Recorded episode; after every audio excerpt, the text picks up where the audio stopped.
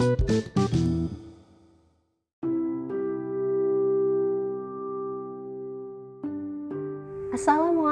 warahmatullahi wabarakatuh.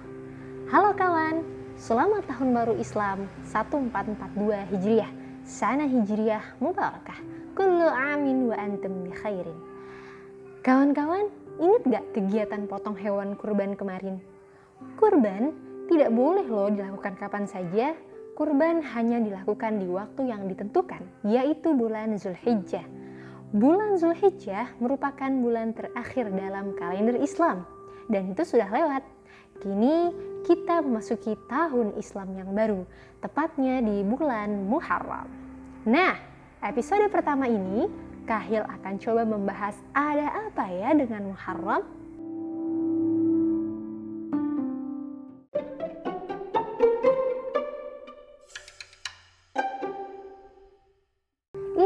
mempunyai 12 bulan dalam hitungan satu tahun.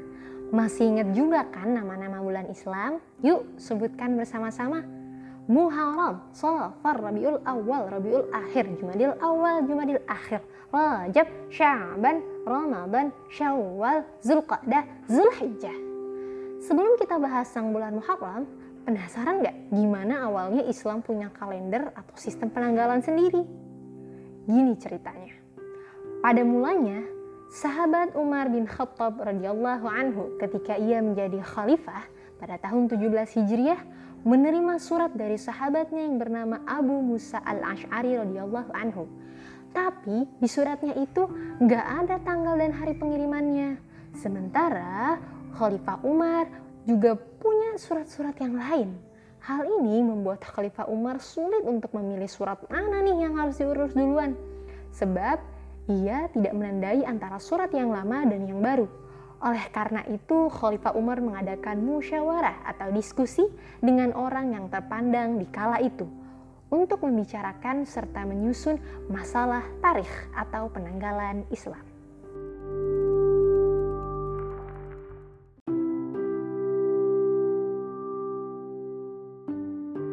Dijadikan patokan memulai penanggalan Islam tersebut, musyawarah yang diselenggarakan Khalifah Umar bersama para sahabatnya menghasilkan beberapa pilihan peristiwa bersejarah.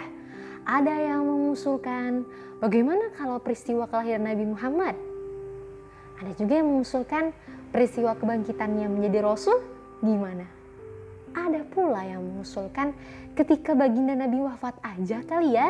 Atau ketika Nabi hijrah dari Makkah ke Madinah? Di antara berbagai pilihan tersebut, akhirnya ditetapkanlah bahwa tarikh atau penanggalan Islam dimulai dari saat di mana Nabi Muhammad SAW berniat dan bermaksud untuk melakukan hijrah dari Makkah ke Madinah. Oleh karenanya, penanggalan Islam dinamakan tahun Hijriyah.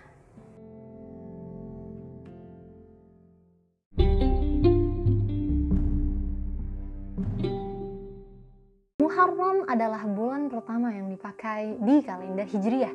Muharram, mim, hati tipis, ro bertasydid dan mim.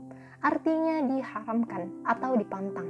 Itu bulan di mana Allah Subhanahu wa taala melarang melakukan peperangan atau pertumpahan darah. Orang Arab zaman dahulu meyakini bahwa bulan Muharram adalah bulan suci sehingga tidak layak menodai bulan tersebut dengan peperangan. Berbeda dengan bulan setelahnya yaitu Sofar.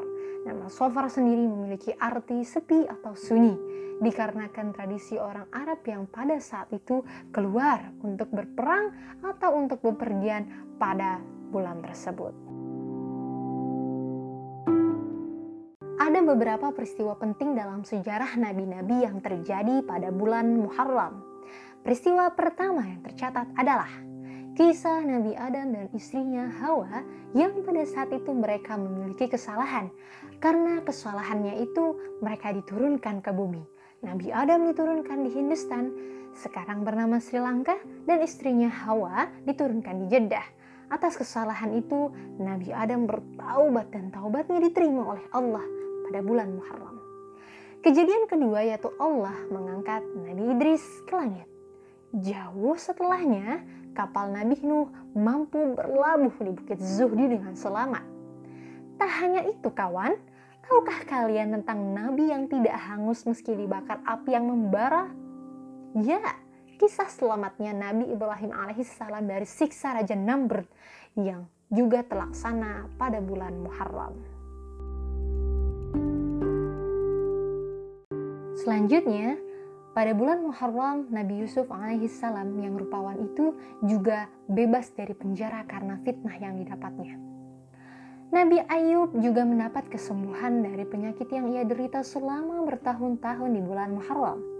Lebih lanjut, kisah terkenal Nabi Musa alaihissalam yang menyelamatkan kaum Bani Israel dari kekejaman Fir'aun juga terjadi di bulan ini Bahkan dalam kejadian itu, sang nabi diberi mukjizat dengan membelah laut merah untuk menyelamatkan umatnya dari kejaran Firaun.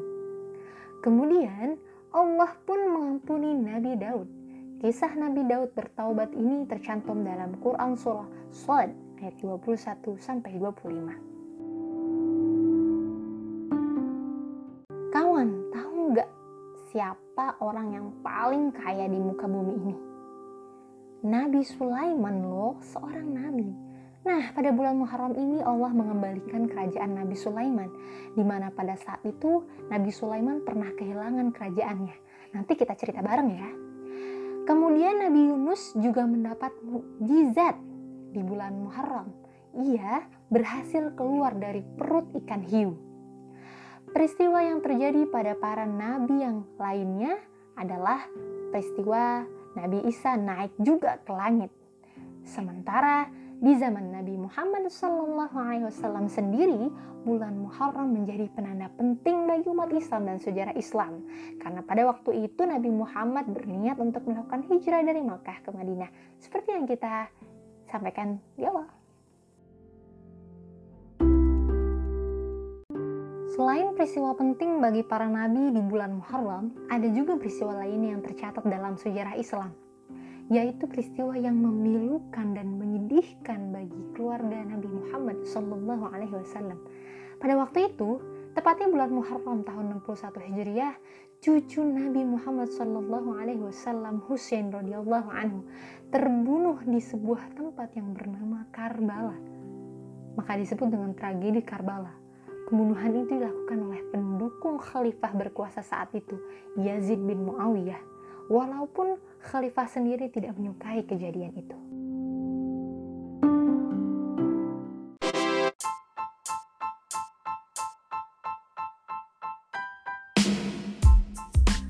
Itulah tadi beberapa peristiwa yang terjadi di bulan Muharram. Nah, kawan-kawan, tahun baru biasa dijadikan awal untuk memulai hal yang baru. Ayo kita mulai kebiasaan baik yang baru mulai dari Muharram ini. Kalau Kahil insya Allah akan berusaha mengunggah podcast kisah islami secara rutin. Gimana dengan kalian? Semoga semangat terus ya. Terima kasih telah mendengarkan Kahil bercerita. Sampai jumpa di episode berikutnya.